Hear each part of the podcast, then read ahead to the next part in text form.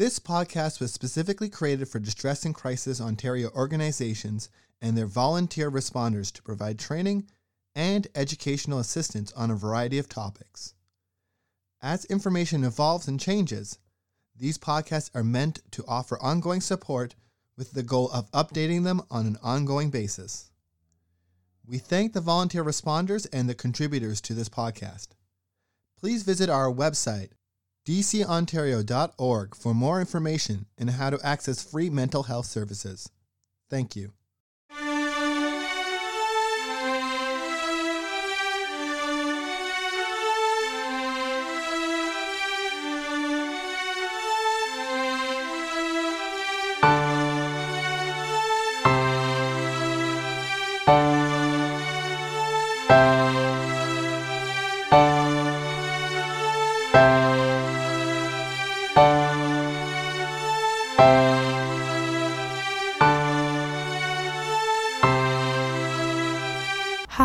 My name is Brenda, and I am currently a BSW student completing my placement at Distress and Crisis Ontario, and I'll be your host for this week.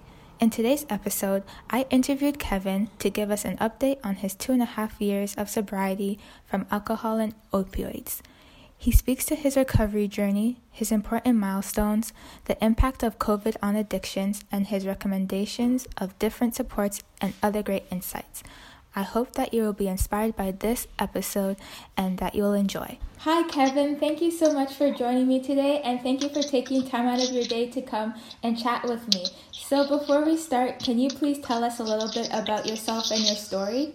Uh, yes, for sure. So my my story is is very rare, I guess. I don't really hear this one too often, but so I I decided to uh, well a little bit about myself. So first, I guess I could start off is uh, you know I, I grew up uh, a, a, just a normal child, both parents, you know, uh, a couple brothers. I got a sister. Uh, very very simple life, I guess you could say. Mm-hmm. And we were. Um, you know, we we uh, we had a, like I said, just a very very simple life, and, and I guess I guess uh, say I kind of I was a drinker. I consider myself I, I was a drinker for many years. Mhm. Once I got into my mid uh, teenage years, Mm-hmm. so I you know I, I like to party with the friends and all that. I, Yeah. I wasn't really into drugs at all by by any means at all. I was just a drinker, and. Uh, I decided to uh, get into opiates in my my early 30s, Okay. and, and yeah, it was just uh, you know kind of a, a secret I kept and, Mhm. and lived a, a, a double life, I guess you could say. Yeah.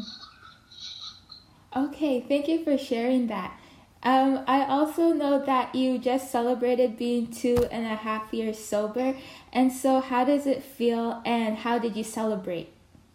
Oh, two and well, uh, we didn't really celebrate at all. So what I do is I celebrate on the year. So I did my Okay. one year, my two year.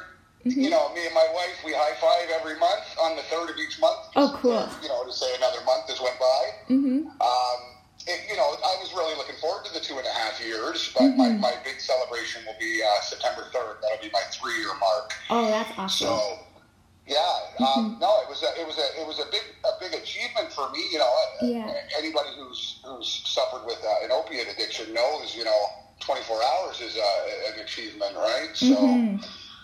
um, yeah, no, that was it. We're, we're counting down the days. I got the calendar, marking Yeah. off the X's until September 3rd. Oh, nice. Do you have any big plans for that, or just Uh, another high five? Well, you know what? It's actually my dad's birthday too. Oh, so awesome. we on the yeah. So the last couple of years we've all been together for that. Uh, Mhm. Well, the first year I, I, I actually isolated myself because Okay. I, you know I, I'm the only one who doesn't drink out of everybody I know. Mhm. so that that's a little bit of a challenge. But no, on the third, yeah, we all get together and Mm-hmm. everybody does their thing. Nice. And how have things changed from your last interview in 2019 to today? And what were your important milestones along the way? Would say it's changed massively. I, I'm not scared anymore. I, I don't have a fear of the world. I, I trust my own decisions. I, uh, I think when I first did this this first interview, Mhm. I was my whole life evolved revolved around you know constantly talking about addiction and, and keeping it close to me because I was so scared if I let my guard down I would fail. Uh-huh. And, and I, I, you know, it, during my, my first journey of uh, going through all this, I, I actually had a couple attempts at trying to stop opiates, and I never could. Mm-hmm. I could go a week, two weeks, and, and then I would, you know, think I had it under control, and, and if I wanted to do it once, I could, and then I'd end up right back into that, you know, that downward spiral. So the, for the first back in 2019, it was you know it was kind of like walking on eggshells. You were you were trying to figure out who you were. You decision you make could end you back up in a, in a rehab facility. Mm-hmm. Where you know, fast forward to two and a half years later, it, it's not that I don't think about it. I just I'm not I. I I, I kind of want to choose my words wisely, but it's not. I'm not worried about it. Okay. Uh, I feel like I have a, I have a grip on things. I I, I know my flaws. I know I know what's good for me, what's bad for me, and Yeah. and I think it's something you'll always be learning and, and learning how to, to live with and deal with things. But your, your confidence goes up more and more. Yeah. So it's like you have more control over it. Yes, yeah. You you don't feel you don't feel like you're so fresh out of it. Like I don't consider myself, uh, you know, anybody with uh, a significant amount of clean time. But I also think two and a half years uh, of, you know, you, you come across a lot of situations over two and a half years, and you you put yourself in a lot of situations where you know you you can make a decision that fails, and when you don't, Yeah. the next when that next day goes by, you kind of you, your confidence builds up a little bit more, and Mm-hmm. life life carries on. You're, you're not you're not necessarily looking at the past. You're kind of just looking forward. I guess that's that's a good way of putting it. Yeah. I, I don't I don't forget about it, but I don't worry so much. I just Mm-hmm. you know I, I focus on other things now. So Awesome. That's good to hear. yeah. And also, so in your last interview, I heard you talk about the importance of community and not isolating yourself because that could take you back into a relapse. But now that we're in a pandemic that requires us to social distance and be in isolation, has COVID impacted your journey? And if so, how? thankfully for me, it hasn't impacted me, and, and I mm-hmm. think it comes down to the, the the the job that I have. So mm-hmm. I, I I work with a you know a group of guys, so you're always interacting with people. My job is dealing with the public as well and, and, mm-hmm. and sales. So it's not what it was a year ago, but Yeah. you still talk to you know quite a few people in a day. Mm-hmm. Yeah, you know, I, I like I said, I work with a great group of guys, so we're you know we joke around all day. I, I go home and I, I have my children to take care of, so uh, uh, I can see how some people would fall Yeah. in their first you know their first stretch of trying to stay sober or clean, mm-hmm. and the isolation thing it, it, it would it would rip you apart because Yeah. you know everybody knows being by yourself and, and making your own decisions in the beginning just gets you nowhere, right? Mm-hmm. You can't you can't trust your own thoughts or, or you can't trust yourself in the beginning. So Yeah. if, if this was all you know if this all happened uh, in 2018 2019 I, I mm-hmm. don't know how it would have worked out for me. Mm-hmm. Thankfully, thankfully though, you know I. I don't have that isolation like a lot of people do, so th- m- nothing's really changed for me since since COVID. You know, given given my life just with work and, and my children, it's all it's all the same routine for me. Okay. So it sounds like you have a good support around you. Yes, I have excellent support. So, you know, in, in the beginning, when, when I was going through all of this, mm-hmm. I tried to hide it from everybody. I, I didn't tell my friends, my family. You know, it mm-hmm. was I just kind of kept it all to myself. Mm-hmm. Whereas once I, I, you know, admitted I had an issue and went to detox and rehab and all that, my my family and friends were very supportive of it. So it's it feels great to talk about it. When, when you first come out and, and you're and you're staying clean and you're not using every day that goes by, Yeah. You're so happy and proud of yourself. You're constantly talking about it. So mm-hmm. you know you're kind of feeding off of that, right? Yeah. Where as for now, it's just it, it like I said, I never want to. I don't want to use the wrong words. It's not in the past, but it's mm-hmm. it, it's it's it's it's there, but you don't. You kind of just start to live a, a, a normal life, if, if that makes any sense. Yeah. And are you still able to access the same supports like counseling and groups. So has that changed in any way, or do you not use them yeah. anymore? No, the, the groups have definitely changed. The uh, the NA and AA, you know that that's uh, you know that ended a, a while ago when, when the lockdown happened. That hasn't really got back to normal yet. But I I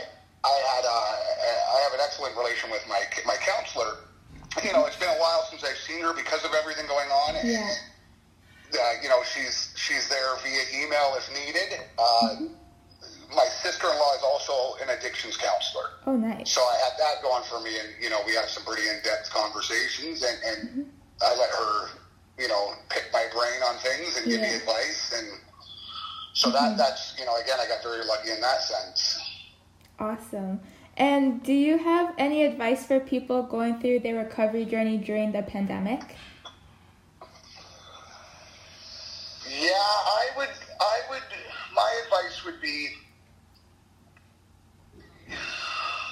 I, I think as long as you, you got to keep talking it. You know, mm-hmm. it, it, it's something that the more you talk about it, the more you, you put yourself in, more or less in this mode where you know you you know, people are watching you. You, mm-hmm. you, you kind of put your, you need to put yourself in a position where you know if you if you start thinking the wrong way or you, you start acting out of character, people notice that, mm-hmm. and, and and it's not to you know it's not to dump the responsibility on anybody else, but it it helps you when you know other people are watching and you know that people may know you're off a little bit. You're not going to put yourself in, in these situations that'll make you fail. Mm-hmm. That- I think that's a big thing that, that got me through it was I was so open and, and I was so willing to talk about it with everybody. Yeah. The second I stopped talking about it is mm-hmm. because something was wrong and, and, you know I was thinking weird or I was in denial. And, and, and I think that when you stop talking about it, it's, mm-hmm. you forget that it happened to you. Yeah. And I think talking about it is also really cathartic and allows it to be released out. And there will be people that there that are um, more than happy to help you out along the way because they also can show you things that you may not be able to realize from your own perspective. But because they're watching you, they're able to catch that for you also. Right, right, right. And so I've I can tell that you've done like a lot of growth during this journey. So how has your recovery journey changed your outlook on life? Oh wow, I, I I think one of the big things you, you don't take into consideration is life, life in general. When, when you're when you're an addict and you're living that lifestyle, you have one thing on your mind and only one thing on your mind, and, and, and it's not that you're it's not that you're being selfish, but you've literally changed your, your thinking patterns, right? Mm-hmm. Where th- there's so many things now, like I, I have goals in life, and, and, and I always did. I, I, you know, like I said, I grew up and I had goals and I had intentions and I had all this, and, and, and with opiates, it's very tricky because it happens and it's, it, it literally changes the way you think. So you don't realize you're doing wrong as it's happening until it's mm-hmm. too late. Mm-hmm.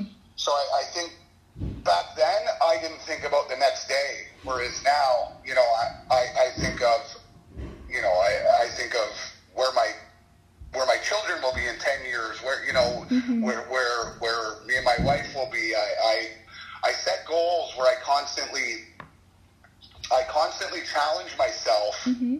because you know from one addict to another, you know, boredom is your your your worst enemy, right? Yeah. So I th- I think that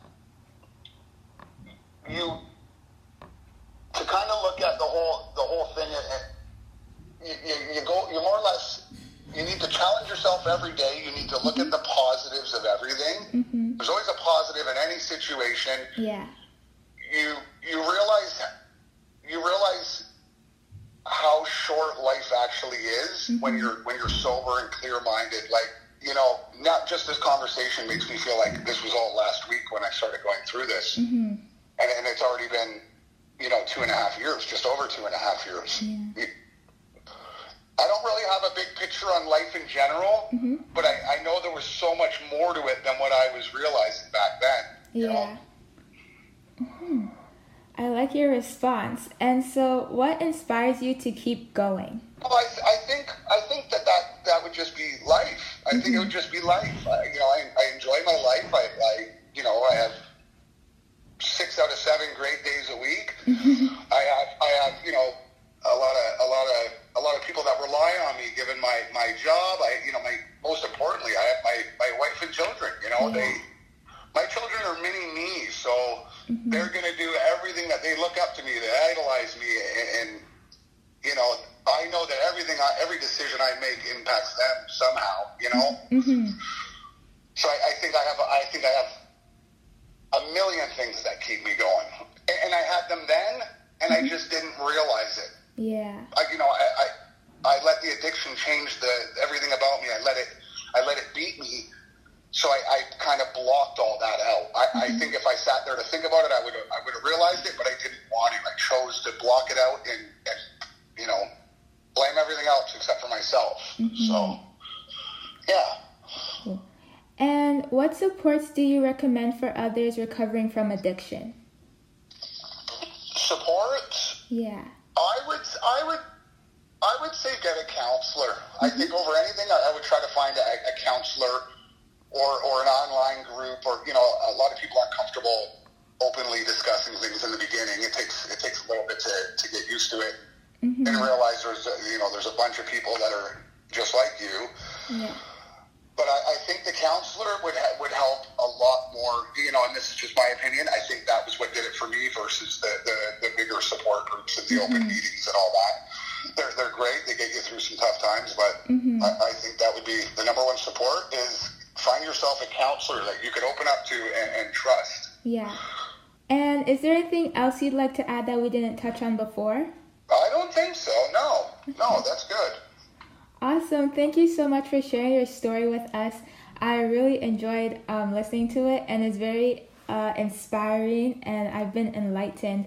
And I really like how you spoke a lot about um, just embracing the small achievements along the way because those are just as important as the big achievements because it all adds up at the end and to keep having goals and challenging yourself and also the importance of having community and giving back to the community and accepting help so Yes. thank you so much for sharing that aspect Thank you very much. Thank, and congratulations on two and a half years Thanks, Brenda. you're very welcome thank you so much for today Okay. have a good care. rest of your day You too. Bye. bye Hi, I'm Damien, one of the editors of the DCO Learning Forums podcast.